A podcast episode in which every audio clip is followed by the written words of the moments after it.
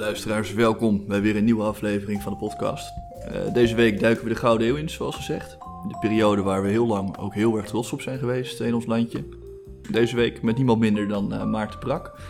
Uh, hij is uh, professor sociale en economische geschiedenis aan de Universiteit van Utrecht. Expert op het gebied van de Gouden Eeuw. Nou, hij heeft ook veel interessante boeken over geschreven. Die vind je in de show notes. Ja, we gaan het erover hebben hoe die republiek, die in 1572 is ontstaan, zoals we vorige keer hebben gezien, hoe dat nou eigenlijk zo'n succes is geworden. we gaan het hebben over Van Oldenbarneveld, over stadhouder Maurits en hoe het leven er eigenlijk voor de gewone man uitzag in die tijd. Nou, uiteindelijk maken we ook de balans op. Hè. Wat is nou de erfenis van de Gouden Eeuw? Mogen we die eeuw überhaupt nog goud noemen? Nou, daarover vandaag dus Maarten Brak. Hartstikke leuk dat u er bent, professor. Ja. ja, en vandaag wil ik eigenlijk beginnen om het over uh, twee bekende staatsmannen te hebben. Die aan het uh, succes van de Republiek hebben bijgedragen, grote bijdrage hebben geleverd, vooral in de beginjaren. Dat zijn Johan van Oldenbarneveld en stadhouder Maurits. Kunt u ons wat meer vertellen over deze twee heren? Dus we hebben het probleem dat er, is, er moet een land op poten gezet worden. En dat land dat moet ontstaan in een periode van oorlog. Want nou ja, de, uh, Nederland probeert zich te ontworstelen aan het gezag van de Habsburgers. En die uh, willen dat niet zomaar toestaan. Dus um, om dat land op poten te zetten heb je een aantal dingen nodig. Ten eerste instituties die de boel organiseren. Nou, dat is eigenlijk de rol van Onder Barneveld. En een van de dingen die die instituties moeten doen is geld uh, ophalen om het leger te financieren. En dat is dan die, dat leger organiseren, dat is dan de rol van Maurits. En dat is een soort arbeidsdeling tussen deze twee. Maurits is de generaal en Oldenbarneveld is zeg maar de eerste minister. Dat heet niet zo, hij heet landsadvocaat. En een van de merkwaardigheden is dat Olle Barneveld in dienst is van de Staten van Holland en helemaal niet van de Staten-Generaal. Maar Holland is het uh, grootste, uh, volkrijkste en uh, al heel snel ook economisch belangrijkste gewest. dus zonder Holland zal het nooit lukken. Dus dat betekent eigenlijk dat de Hollanders in casu Barneveld, die grote rol krijgen in de landspolitiek. En die samenwerking tussen die twee, hè? want ja, uh, daar wordt natuurlijk veel over gezegd. Ja. Samen hebben ze uh, grote hoogte behaald. Uh, kunt u daar wat over vertellen, hoe dat in die eerste ja. jaren ging? En, nou, dat is een, he, dus, Oldenbarneveld is aanzienlijk veel ouder dan Maurits. Maurits komt op jonge leeftijd tot een, in die belangrijke rol van opperbevelhebber, maar natuurlijk ook van stadhouder. Hij wordt echt uit zijn studentenhuis uh, geplukt. Nou, min of meer inderdaad. Hè? Hij is nog uh, piepjong. Dus dat betekent ook dat uh, veel meer ervaren onder Barneveld ook een beetje de rol van coach, et cetera, heeft. En dat verandert natuurlijk in de loop van de tijd, want Maurits wordt ouder en wijzer. Maar ook vooral in de jaren 1590, dan uh, worden er militair opmerkelijke successen geboekt. En dat geeft natuurlijk zelfvertrouwen. Ja. Dus um, hij, he, die verhouding die verandert ook in de loop van de tijd, omdat Maurits nou ja, op eigen benen kan staan, om het zo maar eens te zeggen. En wat die verhouding uh, vervolgens ook wel onder druk zet, is dat uh, ja, de, de, de gang van zaken is in principe dat de Staten-Generaal zijn de baas en uh, de legeraanvoerder doet wat hem wordt opgedragen. Maar die heeft natuurlijk zijn eigen expertise, deskundigheid, zijn eigen ideeën daarover.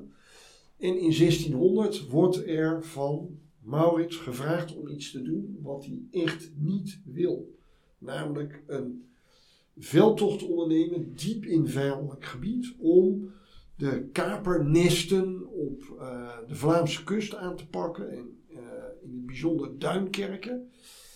Um, en dat is een zeer risicovolle operatie.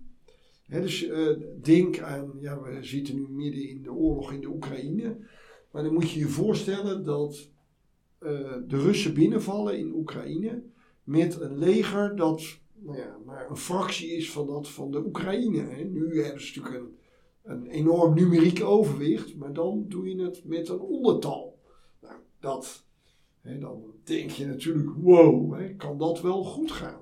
Ja, dat dacht uh, uh, Maurits ook, maar hij moest en hij zou. En, nou ja, dus Wordt een beetje gepusht ook door Albert Barneveld. Heel sterk. Ja. De Staten-Generaal wilde dat, want die uh, kapers vanuit Duinkerken en andere plaatsen op de Vlaamse kust, die bedreigden de handel. En die handel die was weer nodig om het geld te genereren waar het leger mee betaald werd. Hè. Dus alles hing met alles samen. Ja. Dus er waren ook echt wel goede redenen om dat te doen. En dat is ongetwijfeld ook waarom Maurits zich uiteindelijk met tegenzin heeft laten overtuigen. Nou, die veldtocht uh, die eindigde op het strand uh, hè, bij Nieuwpoort. Ja. Waar volgens de mythe uh, de Nederlanders een grandioze overwinning behaalden. Maar in de ogen van Maurits, en ik denk dat hij daar gelijk in had, was het een narrow escape. Want ze dreigden ingesloten te raken door uh, de Spaanse legers, die veel sneller ter plekke waren dan men verwacht had. En als gevolg daarvan uh, dreigde eigenlijk een groot deel van het Nederlandse leger in de pan gehakt te worden. Uh, en dat betekende dat alles wat Maurits in de voorgaande tien jaar bij elkaar uh, geharkt had aan veroveringen, ja, dat zou in één keer ongedaan worden gemaakt. de republiek zou zeer kwetsbaar zijn voor een aanval vanuit de zuidelijke Nederlanden. Was alles voor niks geweest. Nou ja, totale. Catastrofe. En toen raakte ze een beetje gebrouilleerd. Uh, Zeker, dat heeft de verhoudingen uh, geen goed gedaan. En vanaf dat moment natuurlijk dacht Maurits van ja, uh, ik ga mijn eigen koers uitzetten. Hè, want die politici die kan je niet vertrouwen. Nou goed, dat aanvankelijk uh, is dat allemaal een beetje met de mantel der liefde bedekt. Maar toen in 1609 een 12 jaar bestand werd gesloten, toen ontstond er eigenlijk een nieuw probleem, namelijk dat Maurits geen werk meer had. want ja, hij was legeraanvoerder, er werd niet meer gevochten. Dus ja, wat zou hij nou eens gaan doen? Nou goed, en toen ontstonden er ook allerlei uh, religieuze conflicten. Ja, daar komen we misschien straks nog. Uh, nou, laten we dat dan bewaren voor later. Maar um, wat, wat ook denk ik wel leuk is om te vertellen, um, ja, wat nou de economische successen waren van, uh, van die republiek. Uh, republiek. Ja. Want we hebben nu een beetje de politiek gehad, dat samenspel ja. van, ja. uh, van die twee. De, de, de, de Nederlanden waren natuurlijk al in die tijd. Um, Welvarend, zeker. Ja, maar ja, wat waren dan volgens u dan toch die, die factoren die echt tot dat, nou, die gouden eeuw hebben geleid. Ja. Nou, een heel belangrijke factor daarin was beslist het ontstaan van een aparte staat met een eigen leger. Waarmee je ook, hè, want het gaat, uh, economie is een kwestie van markten, maar niet alleen van markten. Je moet ook, hè, het is niet voor niks dat die Amerikanen overal basis hebben, want die zijn ook bedoeld om economische belangen uh, te uh, beschermen. En zo was het in de 17e eeuw ook in hoge mate. Dus het hebben van een eigen leger en vooral ook van een eigen vloot, dat was zeker belangrijk. Maar wat daarnaast een grote rol speelde was. Nou, Holland was op zichzelf al een, een economisch dynamische regio. Met bijvoorbeeld een heel uh, productieve landbouw. Maar ook met veel handel op andere Europese regio's. Maar toch voornamelijk met Noord-Europa. Dus Polen, waar graan vandaan kwam. Ja, als ik het goed begrijp, ook die, die graanhandel, dat was een beetje gedwongen handel. Hè? Um, omdat ja. het niet mogelijk was om uh, dat zelf te gaan uh, verbouwen in. Uh, nou ja, dus, oké, okay, dus laten we even dat draadje oppikken. In ehm, zeg maar omstreeks het jaar 1000 was West-Nederland eigenlijk vrijwel onbewoond. Want het liep voortdurend onder water. Je had de duinerij en dat liep als onder water. Maar in heel Europa nam de bevolking toe en gingen mensen dus ook wonen op plekken die ze voordien als onbewoonbaar hadden beschouwd. Nou, in een van die regio's was West-Nederland, dus zeg maar alles vanaf Utrecht naar het westen. wat we nu kennen als het typisch Nederlandse polderland. Nou, die polders die ontstonden in die periode, na ongeveer het jaar 1000. Uh, begonnen uh, mensen daar land in cultuur te brengen. En om dat te kunnen doen, gingen ze dijkjes aanleggen en gingen ze die grond bemalen. Nou, dat was mooi bedacht. Maar er waren een paar problemen. Een ervan was dat door dat uh, verlagen van de grondwaterspiegel klonk het veen in. Dus je, het was eigenlijk een voortdurende cyclus van meer bemalen, inklinkende grond, meer bemalen, inklinkende grond. En de technologie van dat bemalen stond op een gegeven moment niet langer toe om alsmaar water eruit te blijven pompen. Dus het werd natter op het veen. Zo nat dat je er geen graan meer kon verbouwen. En dat was een groot probleem, want graan was de kern van het dieet wat mensen in die periode consumeerden. Ze aten vooral heel veel brood en pap en pannenkoeken en mm. dat soort dingen. Dus dat betekende op een gegeven moment dat die mensen niet langer zichzelf konden voeden. En dat het basisvoedsel van elders moest worden aangevoerd.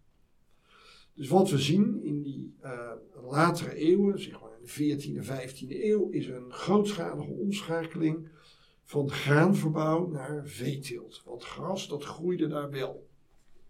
Maar ja, je kan niet alleen maar vlees eten. En ook niet alleen maar boter en melk consumeren. En kaas. En kaas. dus dat betekende dat uh, het basisvoedsel moest worden aangevoerd.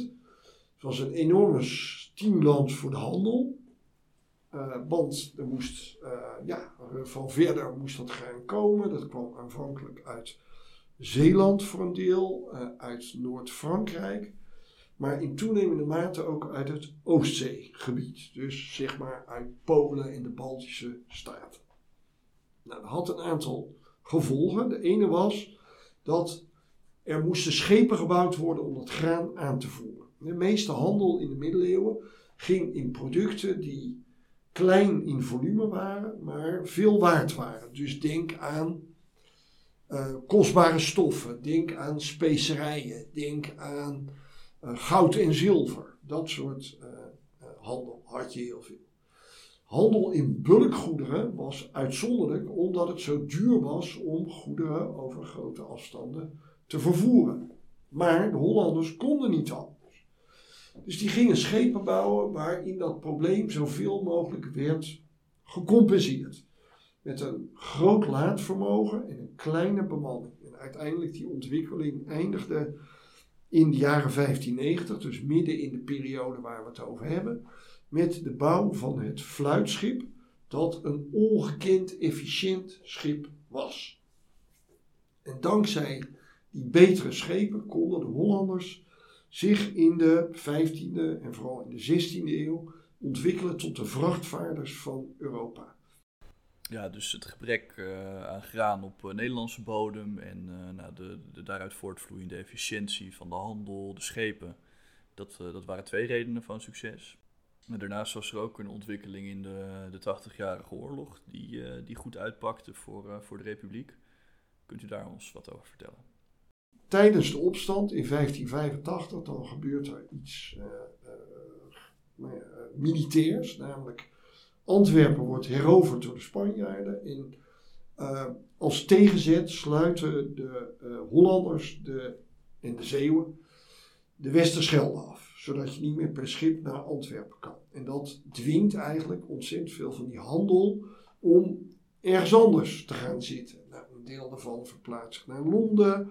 Uh, ander deel verplaatst zich naar Keulen, naar Hamburg. Maar een hele hoop van die handel komt ook in Amsterdam en andere Hollandse havens terecht. En ook immigranten. Zeker. En uh, voor een deel verplaatst die handel zich gewoon omdat de kooplieden zich verplaatsen. Dus, nou, en uh, geleidelijk aan, eigenlijk in de jaren 1590, zijn die militaire successen van Maurits weer belangrijk. Want daardoor lijkt Holland veiliger dan het voordien was. Voor die tijd leek het alsof Holland onder de voet gelopen zou worden. Vanaf de jaren 1590 wordt het eigenlijk een soort eh, buffer rondom Holland veroverd. Hè, dus in Gelderland en Overijssel en in Brabant. En uh, dankzij die buffer kan je in Holland denken van nou, we're safe. Hè, dus dat, Dus dat betekent dat er een migratiestroom uit het zuiden naar het noorden op gang komt. Ehm, en het is niet, lang niet altijd zo dat die mensen ontzettend veel van die handel meenemen. Maar die kooplieden beginnen in Amsterdam en ook elders allerlei nieuwe initiatieven te ontplooien. Nou, een daarvan is uh, bevoorrading van de Middellandse zeegebied. Want daar heerst in de jaren 1590 hongersnood. En graanschepen gaan vanuit Amsterdam en Holland. helemaal die graan hebben ze gehaald in Polen. Maar dat gaan ze dan naar, via de straat van Gibraltar, naar Italië en andere landen rondom de Middellandse Zee brengen. Vanwege die mooie schepen die ze in de loop der eeuwen hebben ze hebben die schepen. En de uh, Antwerpenaren hebben daar de contacten. Want er zitten heel veel uh, mensen die ofwel uh, vanuit dat gebied in Antwerpen zijn geweest, of omgekeerd Antwerpenaars die in Italië zitten. Nou, dus die combinatie van Hollandse scheepsbouw, graanhandel en netwerken van die Antwerpenaren, die brengt dat op gang.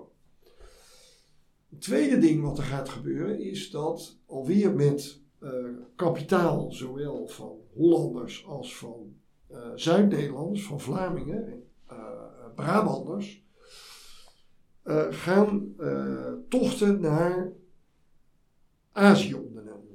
Ja, en daar heb ik met Chris Niers ook een mooie aflevering over gemaakt. Dus dat dus, hoe kan ik overslaan? Die, die hoef kunnen we even overslaan inderdaad. Maar dank daarvoor. Want ja, dat is wel nog steeds heel interessant natuurlijk. Al die factoren die dan in uh, Nederland en in Europa eigenlijk ten grondslag liggen aan het succes.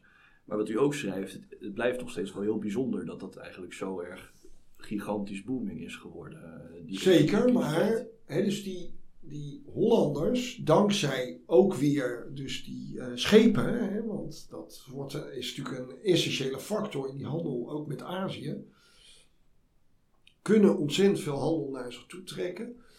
Uh, en uh, ja, dat is, zeg maar, de, de, dat is niet alleen de verdienste, om het zo maar eens te zeggen, van die Hollanders, hoewel die dus een aantal troeven in handen hebben, zoals ik uitlegde.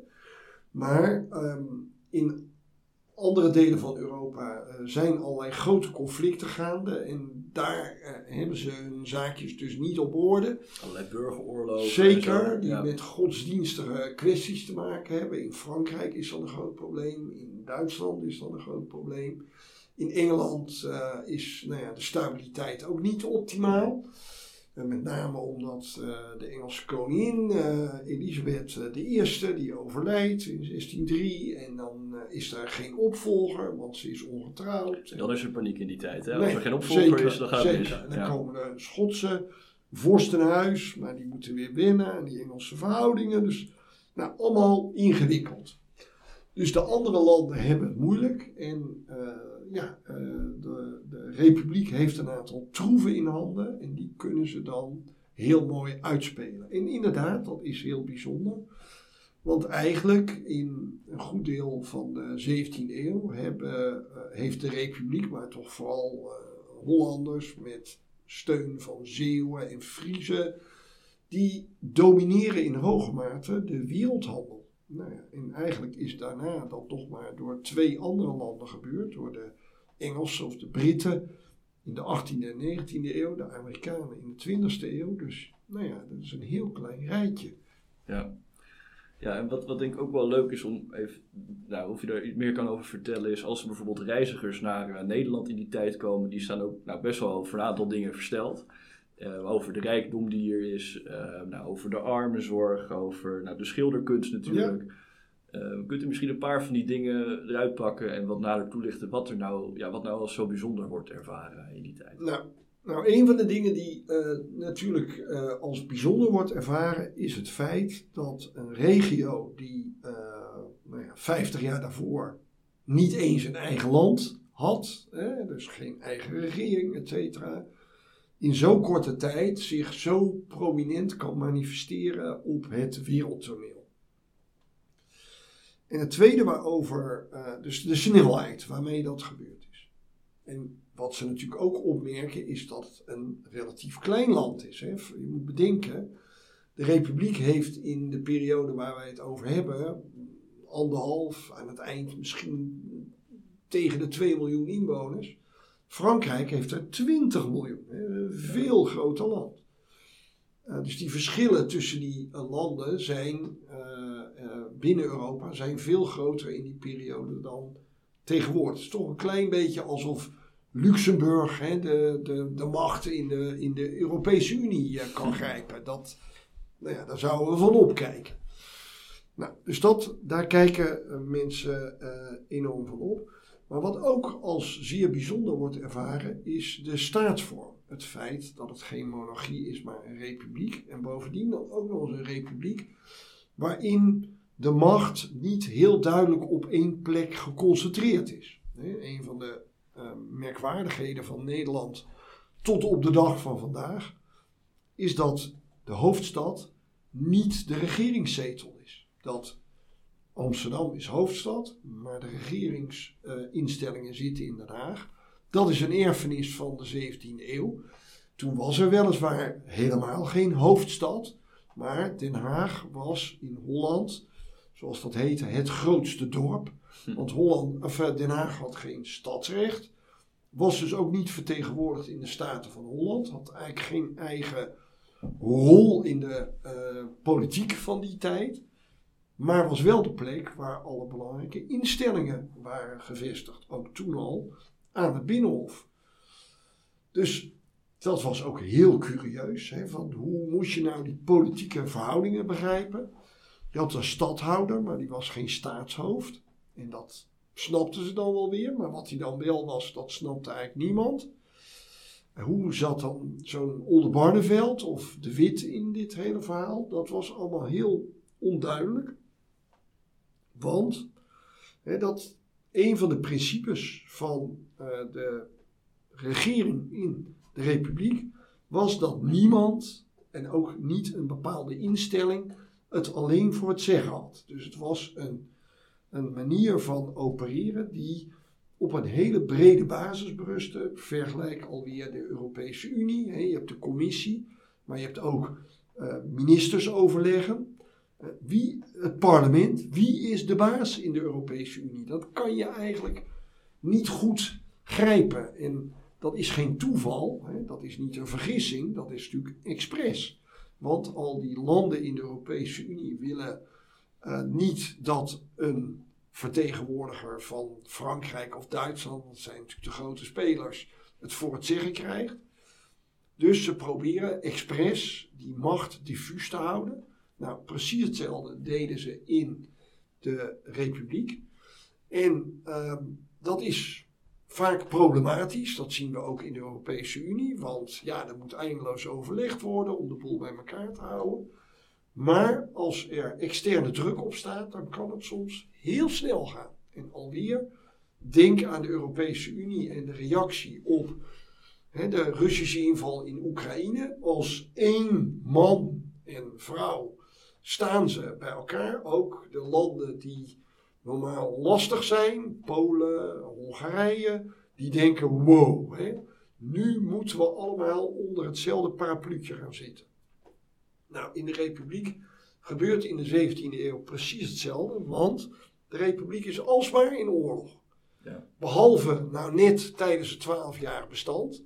En dan breekt ook meteen de pleuris uit. Hè, want dan hoeven ze het niet de hele tijd bij elkaar eens te zijn. En dan zie je onmiddellijk alle verschillen en alle uh, tegenstellingen, die borrelen dan op. Er is niet meer de noodzaak om samen te werken. Dus nou, dan gaan we lekker ruzie maken. Ja, want uh, zo komen we toch weer bij uh, de religie terecht hè? En, en, de ruzie die we daar toch over hebben. Want Nederland staat natuurlijk bekend in die periode als heel erg tolerant. Iedereen die kan daar zijn geloof uitoefenen. Um, maar goed, daar, zijn ook best wel wat, uh, is best wel wat gedoe over intern, de zogenaamde bestandstwisten. Hoe ging dat nou precies? Wat, wat, wat was daar aan de hand en hoe tolerant was Nederland nou eigenlijk in die tijd?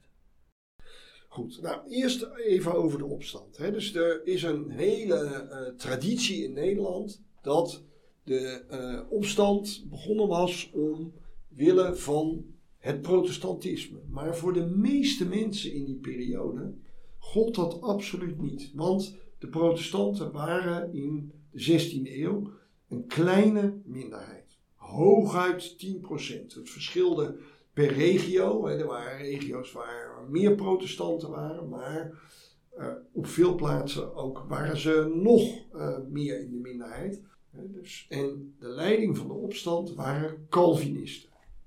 Dus voor de meeste mensen was de kwestie van de godsdienst niet zozeer dat ze protestant waren, maar dat ze bezwaar hadden tegen de manier waarop de Spaanse overheid het katholicisme probeerde door te drukken.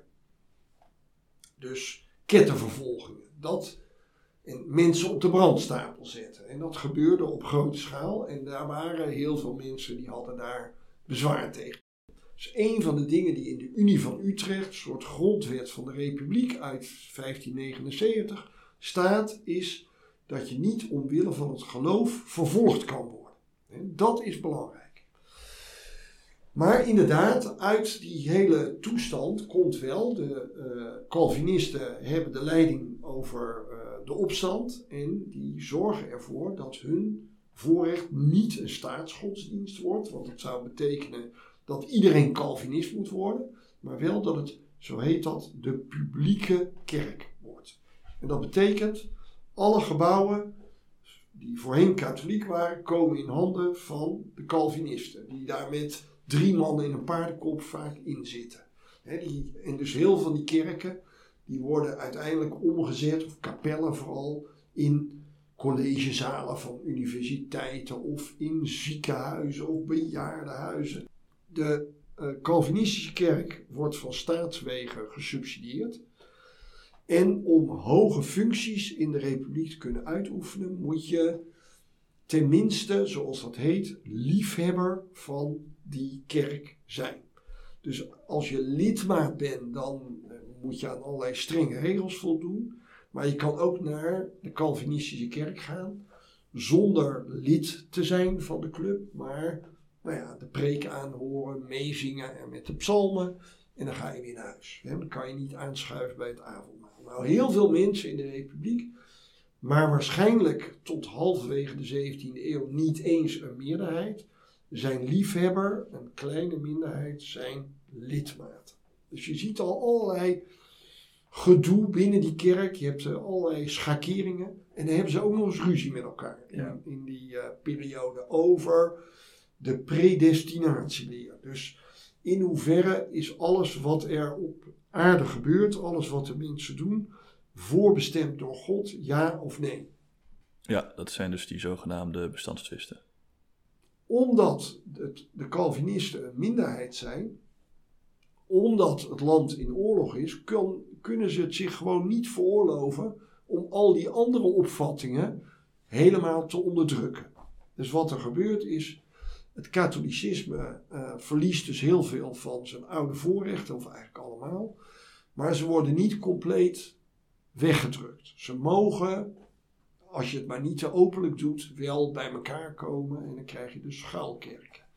Ja. En hetzelfde geldt tot op zekere hoogte ook bijvoorbeeld voor Joodse gemeentes die ook ontstaan door immigratie. In Amsterdam mogen ze twee echte zichtbare kerken hebben.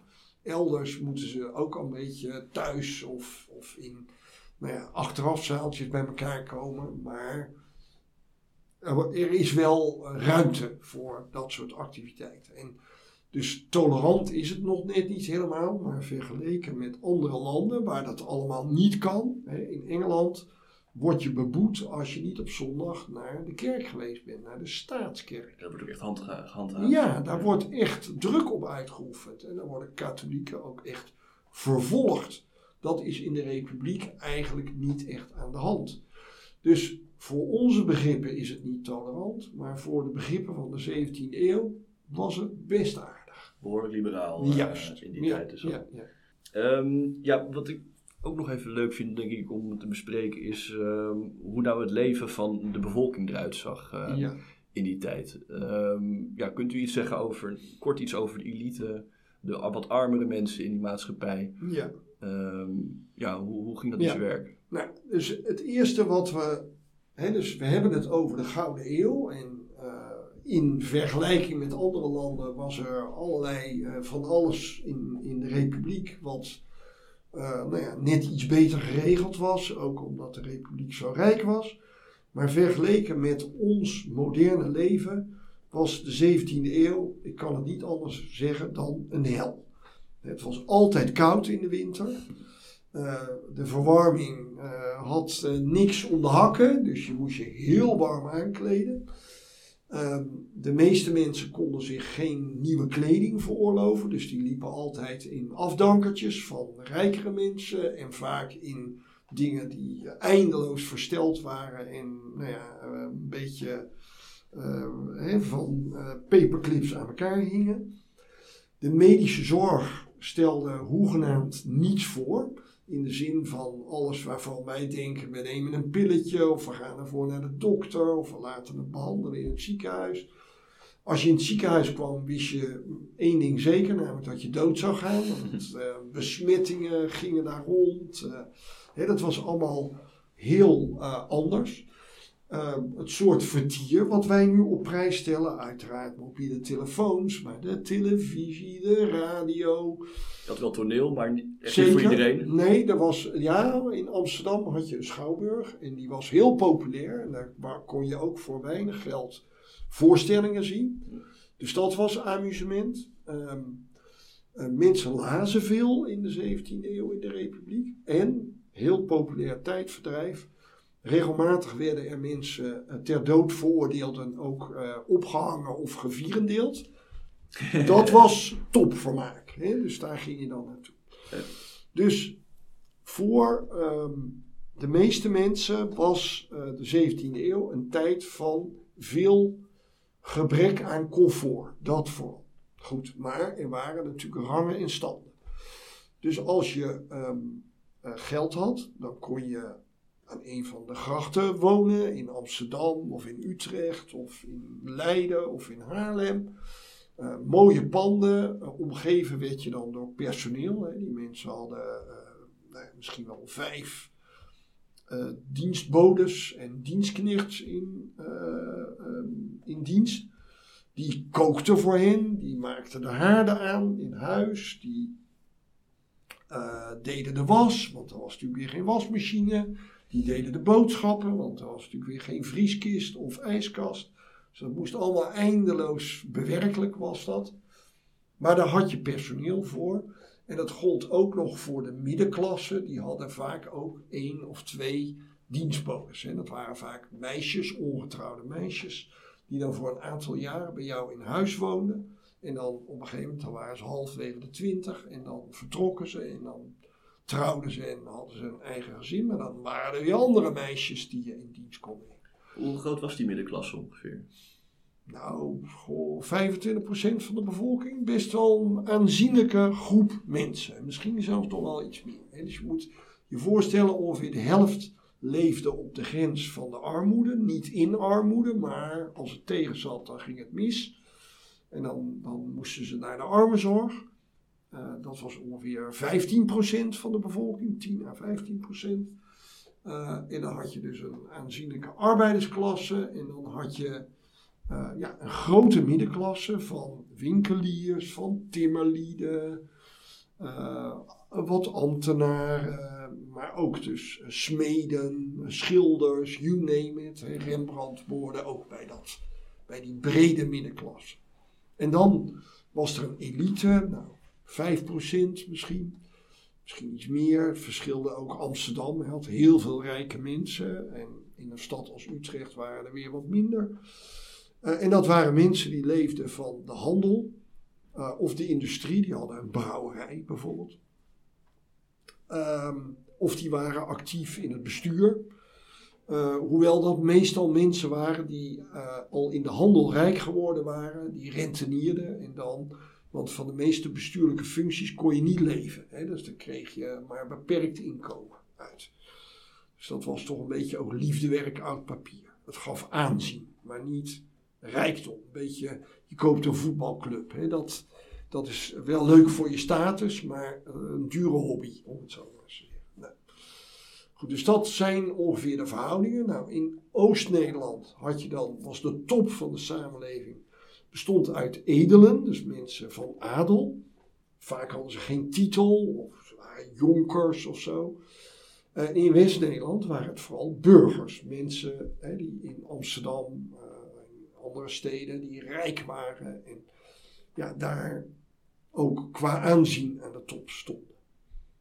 Je had ook nog wat ertussendoor liep, een hele grote groep immigranten, toch? Die, uh... Zeker, maar die behoorden dus ook ofwel tot die arbeiders, ofwel tot die middenklasse de echte elite waren vaak, was het moeilijk om in door te dringen. Ja, wel als je veel geld verdiende, maar hè, de, de, de top van de top, dat waren de regenten, de mensen die in stadsbesturen zaten, de burgemeesters van Amsterdam. En uh, voor migranten duurde het vaak behoorlijk lang, meerdere generaties, voordat je ook in die kringen geaccepteerd werd. Um, ja, want ja, hoe we nu ook terugkijken naar de Gouden Eeuw, daar is natuurlijk best wel wat uh, discussie over. Ja. U uh, bent een tijdje geleden zelf bij dit Wereldred door geweest om uh, te vertellen waarom de term Gouden Eeuw toch de Gouden Eeuw ehm, moet blijven. We hebben het nog niet gehad over het slavernijverleden en de VOC en de misstanden die daar zijn begaan. Dat gaan we in aparte afleveringen nog doen. Maar kunt u zeggen hoe u kijkt naar die, die aanzwellende kritiek van, van de laatste jaren? Om te beginnen, het idee dat dit een bijzondere periode was en zelfs een gouden tijd, dateert uit de 17e eeuw zelf. Hè. Toen waren al mensen, bijvoorbeeld Vondel, die in dichtwerk uh, in die termen sprak over wat er gebeurde. Dus het was echt wel iets bijzonders en ook al in die periode zelf niet alleen buitenlanders, maar ook Nederlanders zelf, die dachten: wow, wat is hier aan de gang? Hè? Wat hier gebeurt, iets wat je niet altijd ziet. Um, Nederland werd in die periode ook het rijkste land van de wereld. Dat betekent natuurlijk niet dat iedere individuele Nederlander rijker was dan overal else, maar gemiddeld lag het inkomen van de Nederlanders hoog. En we weten ook dat de lonen, en zelfs als je verrekent dat eh, de kosten van levensonderhoud hoog waren, dat die hoger waren dan elders. En dat verklaart natuurlijk ook waarom er zoveel migranten naar de Republiek kwamen. dus je kon hier je leven echt verbeteren. Als je bijvoorbeeld uit een arme streek in Duitsland kwam, dan was Nederland een aantrekkelijke bestemming. Een beetje te vergelijken met alle Afrikanen die naar Europa willen komen omdat ze denken, het zal moeilijk worden, maar ik heb een beter lot als ik daarheen ga. Ja, ehm, buiten uh, Europa um, gingen de Nederlanders um, heel akelig tekeer. Uh, en het is volkomen terecht en denk ik ook een, ja, heel behulpzaam dat daarop de aandacht wordt gevestigd. Dat dat want het is een belangrijk onderdeel van de Nederlandse geschiedenis. En ik vind eerlijk gezegd ook, nu heeft eh, de regering excuses aangeboden voor de, ehm, eh, wat er gebeurd is in Indonesië na de Tweede Wereldoorlog. Nou, dat, uh, dit is van hè, ook een onderwerp waar als je dan excuses wil aanbieden over wat er in het verleden gebeurd is, dan past dit ook in dat rijtje. En dus het is ook heel goed, denk ik, dat bijvoorbeeld een stad als Amsterdam gezegd heeft: Nou, de, wij hebben hier een scheve schaats gereden als gemeentebestuur. Want niet alle Amsterdammers waren betrokken bij de slavenhandel. Dat is wel belangrijk om te blijven bedenken. Uh, maar dat de stad Amsterdam daarbij betrokken was, dat staat zijn paal boven water. En dat nou, is gewoon echt wel een grote misstand die daar geweest dus de vraag is nu, uh, moet je om die reden zeggen van nou, we nemen die term weg. Het nadeel is van die term wegnemen, om niet langer over de Gouden Eeuw te spreken, dat het bijzondere van die periode eigenlijk ook uit het zicht verdwijnt. Want als je zegt de 17e eeuw, ja oké, we hadden een 18e eeuw, we hadden een 16e eeuw, hè, het zijn allemaal nummers. Dus wat ik jammer vind, is als we ophouden met over die periode als een bijzondere periode te spreken, dat we dan eigenlijk ook een beetje het kind met het badwater weggooien. En dat we zelfs misschien niet eens meer de discussie hebben over het slavernijverleden, omdat we, ja, hè, je had de 15e eeuw en de 17e eeuw en het is allemaal één pot nat geworden. En ik zou daarom liever zien dat we zeggen tegen elkaar: ja, de Gouden Eeuw is niet alleen maar de eeuw van Rembrandt en geld verdienen, maar ook de eeuw van slavernij. En Nederland was een militaire grootmacht, van uh, uh, vechten en, en geweld. Ook al is dat niet je eerste associatie bij het woord goud. Ik vind het belangrijk dat we ons realiseren dat er in de 17e eeuw dingen gebeurden in Nederland die ja, uitzonderlijk waren. Uitzonderlijk slecht en uitzonderlijk goed. Ja, nee, er zijn verschrikkelijke dingen, maar er zijn ook hele interessante dingen die u net uh, allemaal mooi heeft Ja. beschreven. Dus uh, heel veel dank daarvoor. Graag gedaan. En zo komen we aan het einde van deze aflevering. De Gouden Eeuw, hoogte- en dieptepunten dus. Nou, wil je daar meer over weten, lees dan vooral uh, het boek van Maarten Brak. Dat vind je in de show notes. Prachtig boek vind ik zelf. volgende week gaan we het hebben met Chris Nierstras over de VOC. En um, ook komt er natuurlijk later nog het, het slavernijverleden verleden van Nederland uh, aan bod. Blijf daarvoor hangen um, en tot de volgende keer.